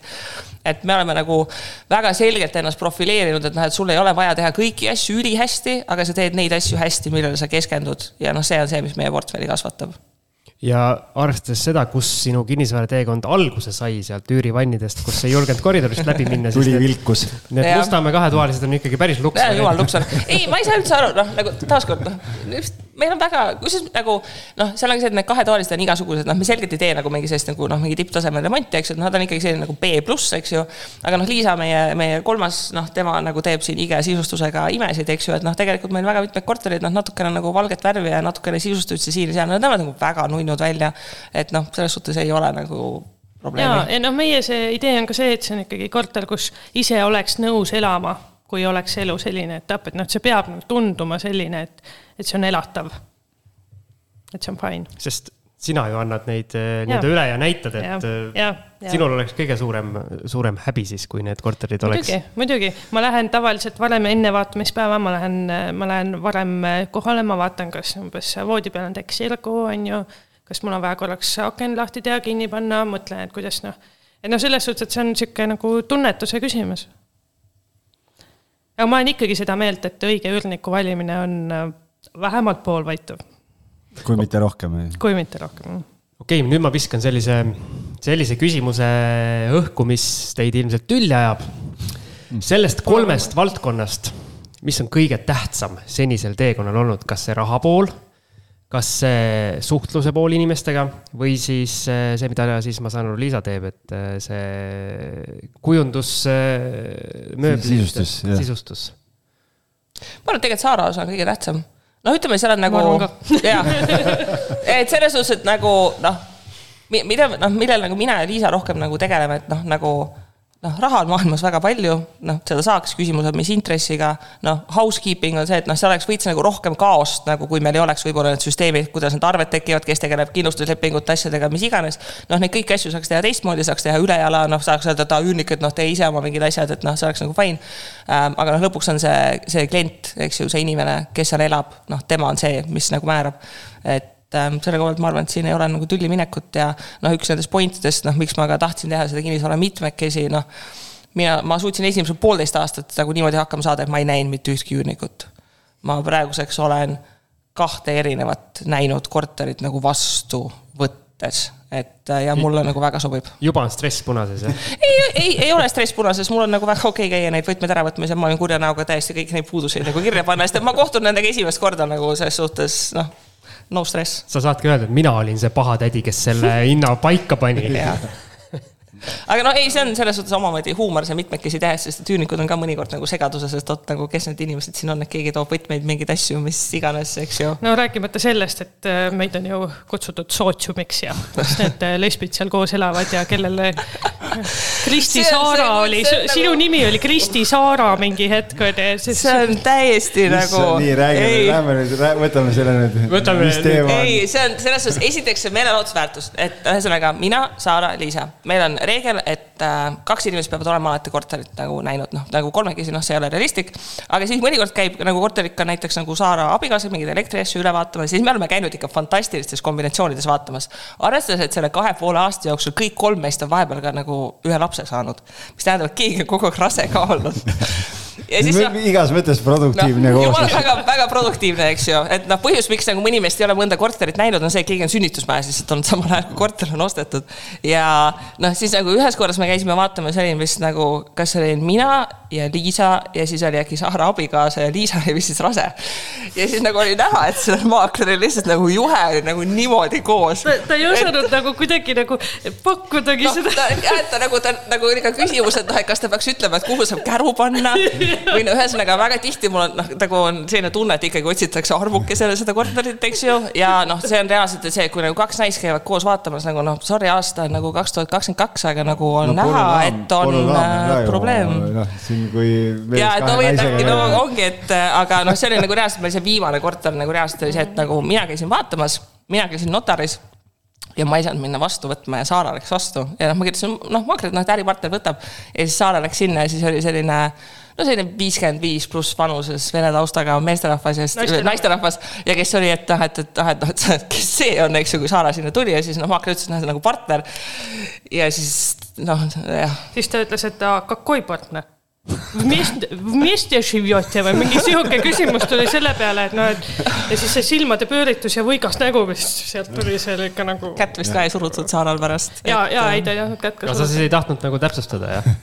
ei no kuulge nagu. ei no,, maakler hakkas nad, noh. kohe vabandama, ütles, et ei, ei, ei, ei, nad ei ole no, niimoodi. see on äripartner. nagu ei, et kolivadki. sa oleks võinud vastupidi öelda, on küll täpselt niimoodi. ma mõtlesingi, ma järgmine kord ütlen ka, et. et noh, see on nagu noh, ausalt öelda nagu täiesti ebanormaalne saad aru, ma kirjutasin seda. teine sünnitab praegu noh, jaa, et noh ma nagu Instas, noh, Saara jagas seda ja ma kommenteerisin ka, et tegelikult on nagu selles suhtes nagu noh, ikkagi maksimaalselt nagu piinlik, et väga mitu äh, inimest mulle kirjutasid ka postkasti, et kes on nagu sama soo suhtes käinud kortereid vaatamas, et nad ongi nagu teinud valiku, et nad lähevadki üksinda vaatama lihtsalt sellepärast, et kui sa lähed nagu kahekesi nagu vaatama, siis see on probleem. ja noh, meile on see nagu mingil määral nagu huumori koht, et noh, me noh, me ei nagu haavu, noh, nagu me võime olla täiesti, teistpidi elame seal koos, aga noh, nagu kuulge, mis toimub? no reaalselt ma tean ühte olukorda aastate tagusest, kus äh, üks omanik ütles, et, äh, et tema homodele ei müü mm.. ei no ma täitsa kujutan ette, et see ongi see teema, jah. nii põhimõttekindlad, ta ütles, et äh, vabandust, et ma kasutan seda, et neegritele ja homodele ei müü. ei osta homode puhul teist sõna, ma seda ei ütle, aga, aga noh, et osadel, ma ei tea, mis need põhimõtted on, aga selles mõttes mul oli ka üks korter, mis praegu broneeringus on üks naisterahvas käis vaatamas ja ütles, et noh, et ma tahan tulla kaaslasega uuesti, aga et ärge siis ehmatage, et, et nagu, ta ei ole mees no see on nagu, see on nagu nii piinlik ja no ütleme lihtsalt nagu, seal on ka see, et noh, see, et me teeme kinnisvaraäri nagu kolm naist, noh, see on ikkagi ka, kui me käime neid kortereid vaatamas, siis noh, ikka mõnikord on näha, et noh, maaklerid ikka ajavad nagu sellist kägu lihtsalt täiesti üle mõistuse nagu. nüüd on õige, ei, nüüd on õige aeg saatele jõuda. et noh, selles suhtes, et nagu noh, nagu jah, ma saan aru, et sa nagu eeldad, et nagu noh, tegelikult noh, ei eelda, et noh, et, et, et inimene tuleb ja ta ei tea mitte midagi, siis sa mõnikord küsid mingi tehnilise küsimuse ja siis ta vastab midagi ja siis on nagu noh, sa ajad lihtsalt nagu konkreetselt nagu täiesti lolli juttu nagu. ma olen mingeid kohti vaatamas käinud, kus on mingi Renault plaan enam, et tal on välja prinditud laua peale see Renault plaan. ja siis noh, mingi ühes, ma käisin vaatamas kuskil kassisabas midagi ja siis noh, seal oli mingi plaan mingi, et katuse alt nagu teha Renault ja mis iganes ja siis ma olin mingi, ma vaatan väljast vaja, siis ma olen mingi, et noh, et kuule, kas ta nagu noh, plaanis nagu katus ka tõsta ja maakler täiega raiub, et ei, ei, et renoveerides ei ole vaja katust tõsta, eks ju, siis me läheme nagu sisse, siis ma teen selle Renault plaani lahti esimesel lausel, et tõstame katust üks meeter, eks ju, siis ma lihtsalt nagu vaatan talle otsa, ta vaatab mulle otsa, eks ju, et noh, okei okay,, noh jah, et noh, mingitel asjadel nagu noh, noh. maaklerite on... professionaalsus, aga noh, ütleme meie kogemus on see, et kuna me oleme tõesti neid maaklereid igasuguseid läinud, nagu meil on kahel korral maakler on unustanud kohale tulla, eks ju, ja. külmetame Kristiga, see on miinus kakskümmend kraadi kuskil Mustamäe majade vahel, tuul tõmbab ja siis maakler, oih, ma unustasin ära, eks ju, ja siis on maakler unustanud, tulnud ja siis ta on unustanud võtmed võtta ja noh, selles suhtes nagu see, see kogemus on selles suhtes nagu päris huvitav olnud, et noh, ma pean ikkagi ütlema, et ega noh, ikkagi trend on see, et noh, suurbüroode maaklerid ikkagi nagu noh. aga tead, selles suhtes, et äh, meil on üks maakler, kes on meie maakler ka siis, äh, keda me vahepeal kasutame korteri väljaandmiseks ja ta on meile ka diile toonud. professionaale on väga häid et noh, selles suhtes, et mõned inimesed on uh. sellised, mõned inimesed on reaalselt sellised, et mina usaldaks selle portfelli halduse siis. mina, ma olin juba laua alla valmis. algis, algise nägu kogu selle tiraadi ajal. nagu algis lihtsalt teab, et kus kohas see latt on nagu see, et potentsiaalset ostjat nagu ära kohtleda nagu idiooti ja see juba ka on kõrge latt mm -hmm. osadele nagu ületada, et noh, ja kui tulevadki kaks naisterahvast korterit vaatama, no nagu katsu olla normaalne, no nagu täiesti lõpp, noh aga ju siis see nii-öelda keskmine korteri vaataja või see keskmine ostja, noh, inimene ikkagi ostab kinnisvara üsna harva oma elu jooksul ja võib-olla see keskmine teadlikkus ongi nagu nii väike, et ei osata küsida ja küsitaksegi mingi meeleolu kohta või mind alati paneb naerma see maaklerite see meeleolu jutt, mis nad hakkavad ajama nagu. et kodutunne ja nii või? kuigi ma olen neile öelnud või nad on küsinud alguses, et noh, et kas ostad investeeringuks või, või ise elama. ma ütlen, et investeeringuks ja siis hakkab ikka seda meeleolu juttu nagu ajama, et see on nagu mingi plaat, mis pannakse peale nagu. mis meeleolust te räägite no no mingist algis sa ei teagi, sul on mingid müügiargumendid täiesti nagu jäänud ära. see on mingi meeleolu, mis annab nagu, nagu hinnale paneb juurde nagu meeleolu see koefitsiendi kuidagi. see on see kodu, kodumüügi koefitsient, eks ju.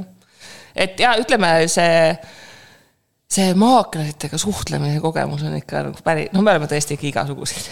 aga ei, üürnikud on naljakamad. Nad on nagu väga nunnud, nad on väga nunnud, üürniku kandidaadid, ma ütlen, on naljakamad maakleritega lihtsalt nagu see probleem, et kui sa reaalselt oled lõpuks huvitatud ostma, siis nagu mind häirib, kui see maakler nagu ei suuda olla nagu et, asjalik. noh, et olid mingid lepingud, asjad, et nagu noh, et ma ei tea, et tulevad mingid kehvad lepingud, eks ju, ja info ei liigu ja ma pean mingit nagu maaklerit taga ajama, et noh, et ta ei anna mulle omaniku numbrit ja siis ta ise ka omanikule ei helista, eks ju, et noh.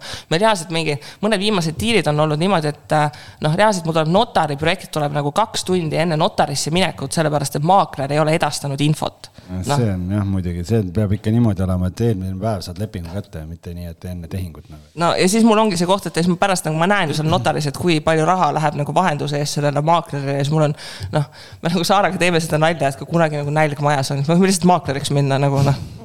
No.. minu meelest ka nagu investorina on nagu kõige nõmedam see, kui äh, nii-öelda tehing äh, nii-öelda takerdub äh, maakleri tõttu selles mõttes, et nagu maakler ei paku midagi juurde, vaid vastupidi nagu no segab, noh täpselt ja, nagu, nagu segab, segab.. jah. Ja me oleme ühe korra, ühe korra me oleme teinud niimoodi, et me oleme läinud, läinud maakleri selja taha ja võtnud omanikuga otseühendust.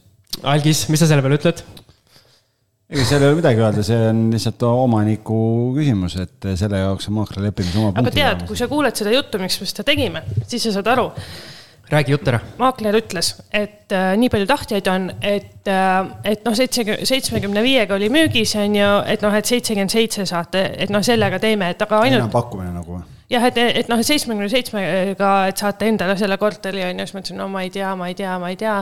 et ja siis ta ütles, et jah, et seitsekümmend seitse, et noh, et, et siis teeme niimoodi lihtsalt, et, et te omanikule ei ütle, et annate mulle selle kaks tuhat vahe Aa, okei, et siis ma annan okei. teile see on jah, on ju, noh ja, ja nii edasi, nii edasi, et ma ütlen, et noh, et siis hakkasin ütlema, et noh, et arvega siis või kuidas, et ei noh, sulas võiks olla, sulas küll ei saa. noh, et noh, arvega, et siis võiks olla seal kirjas konsultatsioon.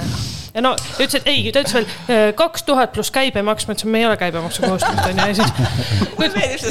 Nii haige lihtsalt ei no selles mõttes, et ma, ma üritan nagu. no ta konsulteeris sulle kõrgema hinna ma praegu mõtlen, et see on nagu päris huvitav, ma, ma nagu sellist asja kuulen nagu esimest korda. ma kirjutasin sellest seal mingis kinnisvaragrupis ka ja siis inimesed olid ka nagu mingi, et noh, ma kirjutasin Aa, ma vist lugesin ka. ja, ja no see oli üks mingi esimesi diile, ma olin nagu mingi, ma saan aru, et ma olen kinnisvaraturu luus, aga lihtsalt niimoodi altkäemaksu küsida, et kas see on nagu mingi nagu see on, teema või? see tundub nagu see, et, et kui omanikuga ei suuda nagu normaalset vahendustasu välja rääkida endale, et ah, okei okay,, lähen siis proovin, et võtan nagu ostja käest sullis juurde. ja, aga no vot see ongi see ainus koht, kus me oleme läinud ümber, muidu ma ütlen, et see no ei ole viisakas okay, ja see ei ole normaalne. Selle, sellisel juhul see on nagu üliõige, et minna omanikule öelda, et maakler nii teeb, on ju, ja sellest, sellisel juhul tuleks nagu maaklerite koda ka informeerida, et selline. ta ei ole maaklerite koja liige. okei. noh, niiviisi hakkan, aga jah, see maaklite suhtes, noh nagu sorry, tuleb ikkagi hagu anda nagu, nagu see, et mis ajal saab käia objekte nagu vaatamas ja millal maakler võtab telefoni vastu, et noh, ma, ma saan aru, et maakleritel on ka nagu eraelu, eks ju, aga olen kohanud maaklereid, kes võtavad telefoni vastu ainult nagu üheksast viieni.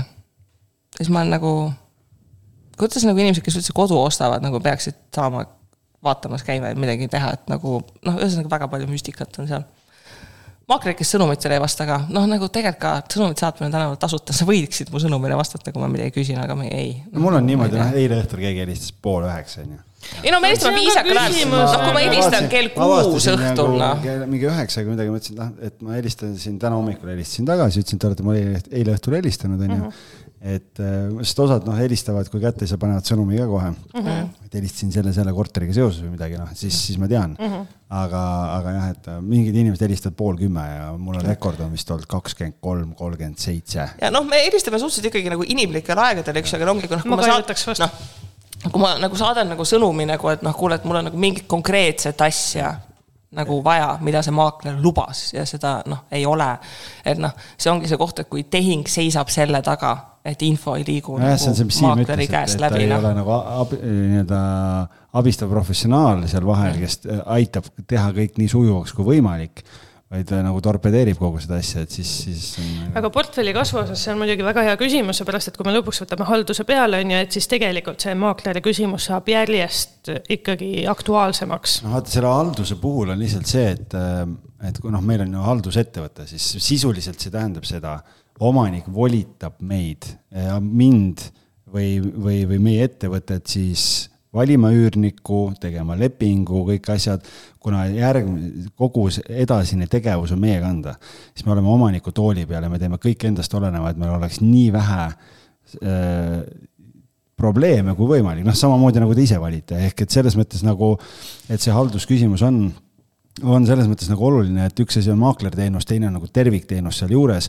kus sa vastutad lepinguga, kogu arvete väljastamine, kõik asjad, ühistuga kommunaalarved, kõik, kõik, kõik see pool. et kõik asjad tehakse ära, et on, on nagu korrektselt tehtud, et eesmärk halduse puhul on alati see, et üürnik oleks õnnelik.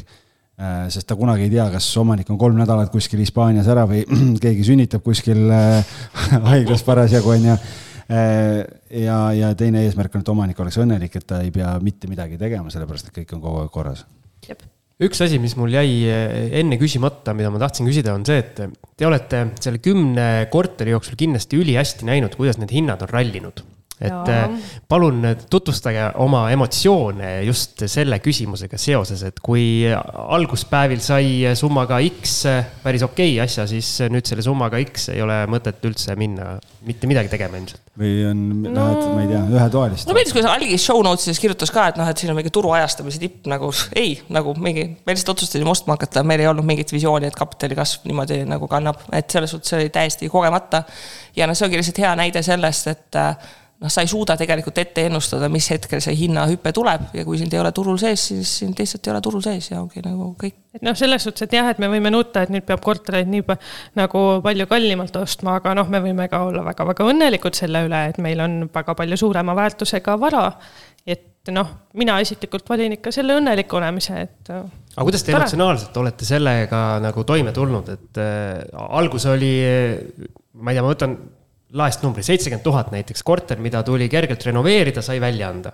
Mustamäel siis teie. me esimese Kristiine korteri ostsime kuuskümmend kaheksa tuhat viissada. no näed, väga hea, nii nüüd võib-olla on selle samasuguse korteri normhind või turuhind mingi üheksakümne viie peal või mis iganes number. no sada ikka tuleb ära. no sada tuleb ära, no veel enam. et kuidas te nagu emotsionaalselt selle lühikese aja jooksul olete enda seda latti nagu tõstnud, et okei okay,, see on okei okay hind, see on okei okay hind, sest te peate ju sellega olema tea, nagu kaasa läinud. Nagu, mul ei ole mingeid emotsioone. ei no enam ei saa osta, sest noh, üle seitsmekümne on hinnad. sest ma olen ju seitsmekümnega ühe korteri ostnud, kuidas ma nagu kallimalt ostan. me oleme lihtsalt nagu piisavalt kogenud investorid, et me nagu sellistesse klassika klassikalistesse investorpsühholoogia vigadesse ei takerdu, et noh, sa ostad asja turuhinnaga ja, ja turuhind on selline see nagu ta on, eks ju. selle me peame ostma, noh aga noh, selles suhtes, et noh, vot meil ei ole ainult kinnisvara, on ju, eks me ostame väärtpabereid ka niimoodi, et okei okay,, enne oli odavam, nüüd on kallim, noh, sa lihtsalt ostad. kunagi sai kaubamaja kuue euroga osta, praegu maksis vahepeal kaksteist, eks ju. ausalt, ähm, tegelikult see ei tekita mingit stressi, minul isiklikult ei tekita stressi üldse.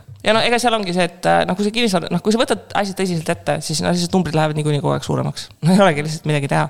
noh, see portfelli väärtus kasvab, üürid kasvavad, laenumaksed kasvavad, eks ju, kui sa muudkui juurde ostad, et äh, noh, lõpuks sa vaatadki iga objekti selle koha pealt, et okei okay,, see on hetke turuhind, see on hetke nagu üürihind, eks ju. noh, nad vahepeal natukene nagu jõnksutavad, eks ju, aga noh, see ongi see point, et kui sa lisad portfelli objekte juurde, siis noh, mida pikem see portfelli ajalugu on, seda rohkem need vanad objektid kannavad, et kui me praegu tahaks midagi rahavoo negatiivset osta, noh, see ei ole probleem, sest et vana osa portfellist äh, kannab. et äh, meil ei ole nagu mingit emotsionaalset plokki olnud ja see ongi meid väga palju aidanud, sest et me ostsime ka sirgelt läbi koroona edasi edasi selle asemel, et kuulata kõiki neid, et oh, tuleb oodata ja siis kuue kuu pärast saab odavamalt, et noh, ma ei tea, mina tõesti kümne aasta jooksul ei mäleta seda hetke, millal oleks tunne olnud, et jess, nagu kinnisvara on nüüd täiega odav. sama juttu, praegu on täpselt sama jutt. ja tead, ma olen praeguseks üle kümne aasta investeerinud ja seda juttu, et natuke oodata ja saab odavamalt, ma olen ka kümme aastat järjest kuulnud. ja ausalt, kui saabki, so what?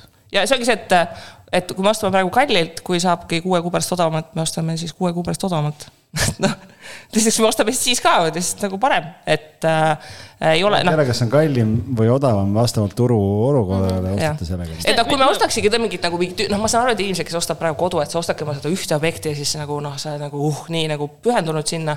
noh, meil on see, et okei okay,, et ostame siis number üksteist kallilt ja number kaksteist saab odavamalt. see on ikka see, et kui ootad seda paremat aega, see on spekuleerimine ju. selles no, mõttes, et sa nagu üritad, see on siis, kui sa tahad, ma ei tea, flip ida või midagi või noh, mõtled, et äkki siis on, on nagu parem, aga teistpidi on jälle see, et võib-olla selle kolme või kuue kuuga oleks see noh, elu on näidanud siin, ma ei tea.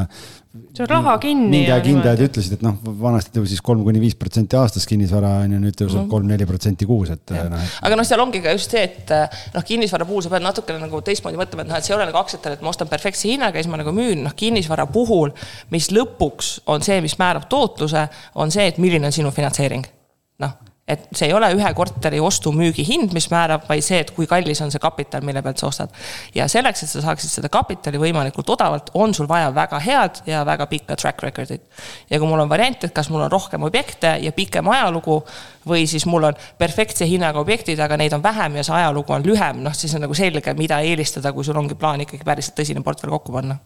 ja mida tihtipeale ka veel unustatakse ära, on see, et kui kui kinnisvara peaks odavamaks minema, et see on osa majandusest, on ju, mis tähendab tõenäoliselt seda, et majanduses ei ole nii head ajad. Lähevad üürid alla ja läheb keerulisemaks laenu saamine, eks ju. just, et pangad ei ole ka nii valmis, nagu valmis võib-olla nii headel tingimustel laenu andma kõik tundub väga loogiline, aga Kristi, kui sa lähed LHV Foorumisse ja loed seal olevat kinnisvara teemat, siis äh,. mis seal räägib? Siim aja, aeg-ajalt saadab screenshot'e sealt, et nagu ma vaatan ja imestan. Nende inimeste arvates äh, oled sa kõik äh, valesti teinud konkreetselt Kristi siis või? ei, ei, ei, ei. mitte aeg tema, vaid kõik. LHV Foorum arvab, et Kristi on ka kõik hästi valesti. kõik, kes kinnisvara on ostnud. see rikas mees. mul on see rikas mees. Äh, teate ähm, ei no mu point on see, et. vaata kõrval..., point, point ongi selles, et äh, see koerad hauguvad, karavan läheb edasi, et äh, on väga vähe mõtet äh, kuulata tagasisidet inimestelt, kes ise ei ole midagi saavutanud. noh, ongi nii pomb. lõpetame saate ära või? aga ma tahtsin tegelikult lõppu küsida, et eh, kui palju on sinuni just jõudnud nagu infot eh, teiste naisinvestorite poolt, kes on eh, hakanud tegema just teie eeskujul midagi sarnast, et pannud. kuule, päris mitmed inimesed on käinud minuga rääkimas ja nad on tahtnud kuulda seda, et kuidas me oleme selle struktureerinud, ma arvan, et lausa mingi päris, ma ei tea, mingi kuu, viis-kuus sõpruskonda. ma ei ole nagu konkreetselt follow-up'i teinud, aga, aga ma tean, et on inimesi, kes on nagu ühiselt nagu mingeid väiksemaid punte hakanud tegema, et selles suhtes nagu väga äge. ja see on ka üks põhjustest, miks me nagu noh, jagame seda suhteliselt avalikult, et noh, enne kui meie hakkame seda ühiselt tegema, siis nagu noh, me ka ei leidnud nagu häid näiteid, et kuidas nagu teised on nagu teinud, et noh, sageli kinnisvara on selline enam-vähem, ma olen nagu üksik hunt. Aga noh, kui sul ongi visioon, et sa tahad noh, kasvada, see on nagu niivõrd palju lihtsam, kui sa teed mitmekesi, sest noh, lõpuks noh, see, see oma kapital, mis sa saad mängu panna, noh lihtsalt me, me ei suudaks igaüks sellise tempoga seda kokku lükata, et noh, praegu kui ostame uue korteri, eks ju, on kolmkümmend tuhat vaja omafinantseeringut, noh mul endal see kolmkümmend tuhat omafinantseeringut kübarest välja tõmmata oleks võib-olla veits rohkem. kolme peale kolme peale kümme, kümme, kümme, et see on nagu nothing, eks ju, et, et selle koha pealt noh, läheb nagu oluliselt, oluliselt äh, lihtsamalt, aga noh, see on seesama koht, et noh, kinnisvara on inimeste äri ja ta on inimeste äri, kui sa teed seda ka investoritena koos. et noh, praegu noh, meie see portfell me siin just tähistasime, eks ju, brutomiljonit, et noh, nagu äh, see, et noh üheksa objekti kokku, et noh, nende hetke turuväärtus, noh, et me oleme reaalselt kolmekesi nagu pannud allkirja, et noh, see, see on see vara, mida me ühiselt haldame, mille eest me vastutame, noh, mis tähendab, et me peame kõik üksteist usaldama, et me ei tee ka midagi nagu väga veidrat, eks ju, et meil on kõikidel ettevõtte esindusõigus olemas ja mingeid asju teha. et ähm, noh, sa pead olema väga kindel, kellega sa selliseid ühistiile teed, et sinna ei tasuks ka nagu niimoodi kohe joosta, et noh, võtan viis sõpra kokku ja nagu hakkame tegema. et noh, ma olen seda rõhutanud ka, et selleks on päris palju siiski sellist emotsionaalset intelligentsust vaja, et ühiselt asju teha, et ongi see, et kui mingid asjad ei toimi, et noh, ongi vahepeal Saara tegi veits rohkem asju, ta ütleski, et kuule, et nagu ma tunnen, et on veits ebaõiglane, et nagu, et järgmise projekti võtab, eks ju, keegi teine. me oleme mingeid ülesandeid vahepeal ümber nagu jaganud, et midagi on tulnud mulle, midagi on mult ära läinud. lihtsalt sellepärast, et noh, ongi nagu kellele mida meeldib rohkem teha nii et äh, kindlasti koos on väga äge teha, aga see eeltöö samamoodi nagu üürnikul, enne kui sa võtad ta sisse, siis noh, ongi see, et kui inimesed hakkavad koos investeerima, selleks hetkeks, kui need ühised allkirjad lähevad, peavad olema nagu olulised asjad tegelikult juba läbi räägitud.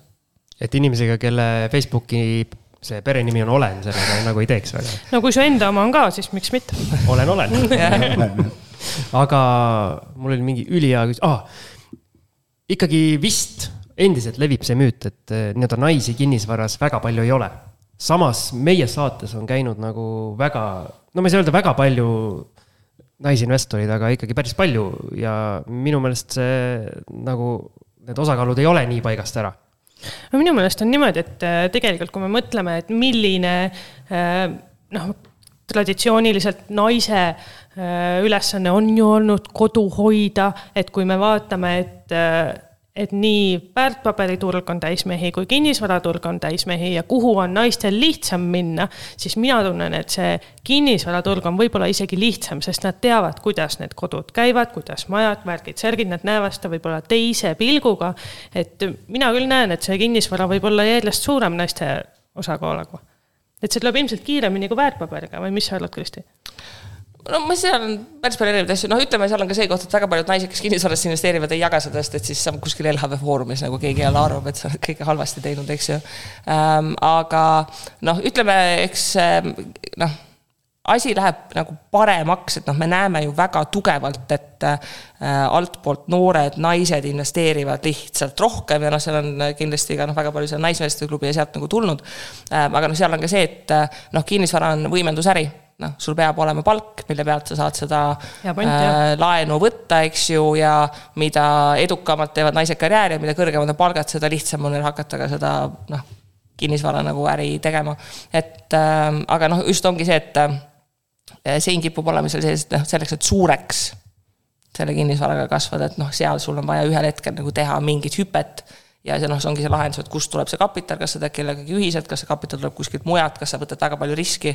noh, ja siis kipubki olema, et noh, ma näen ju väga paljud väikeinvestorid, nad jäävadki toppama, et sul ongi see nagu üks või kaks korterit ja sealt edasi nagu seda hüpet ongi nagu väga raske teha, sest kui nagu palk jääb seinana ette, siis sul ongi see, et noh, kuidas sa ettevõtte alla kolid, kuidas sa saad selle esimese ärilaenu.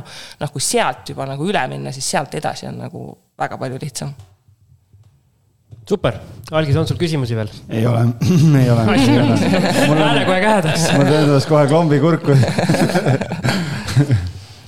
et ei, no nii põnev, ma, no ma ütlen no, iga saate lõpp seda, et nii põnev on, et võiks lobisema jäädagi, et ilmselt me siis ühel hetkel, kui see netomiljonid ja asjad ja kõik on ka käes siin, et siis, siis kutsume teid jälle ja, ja siis tähistame.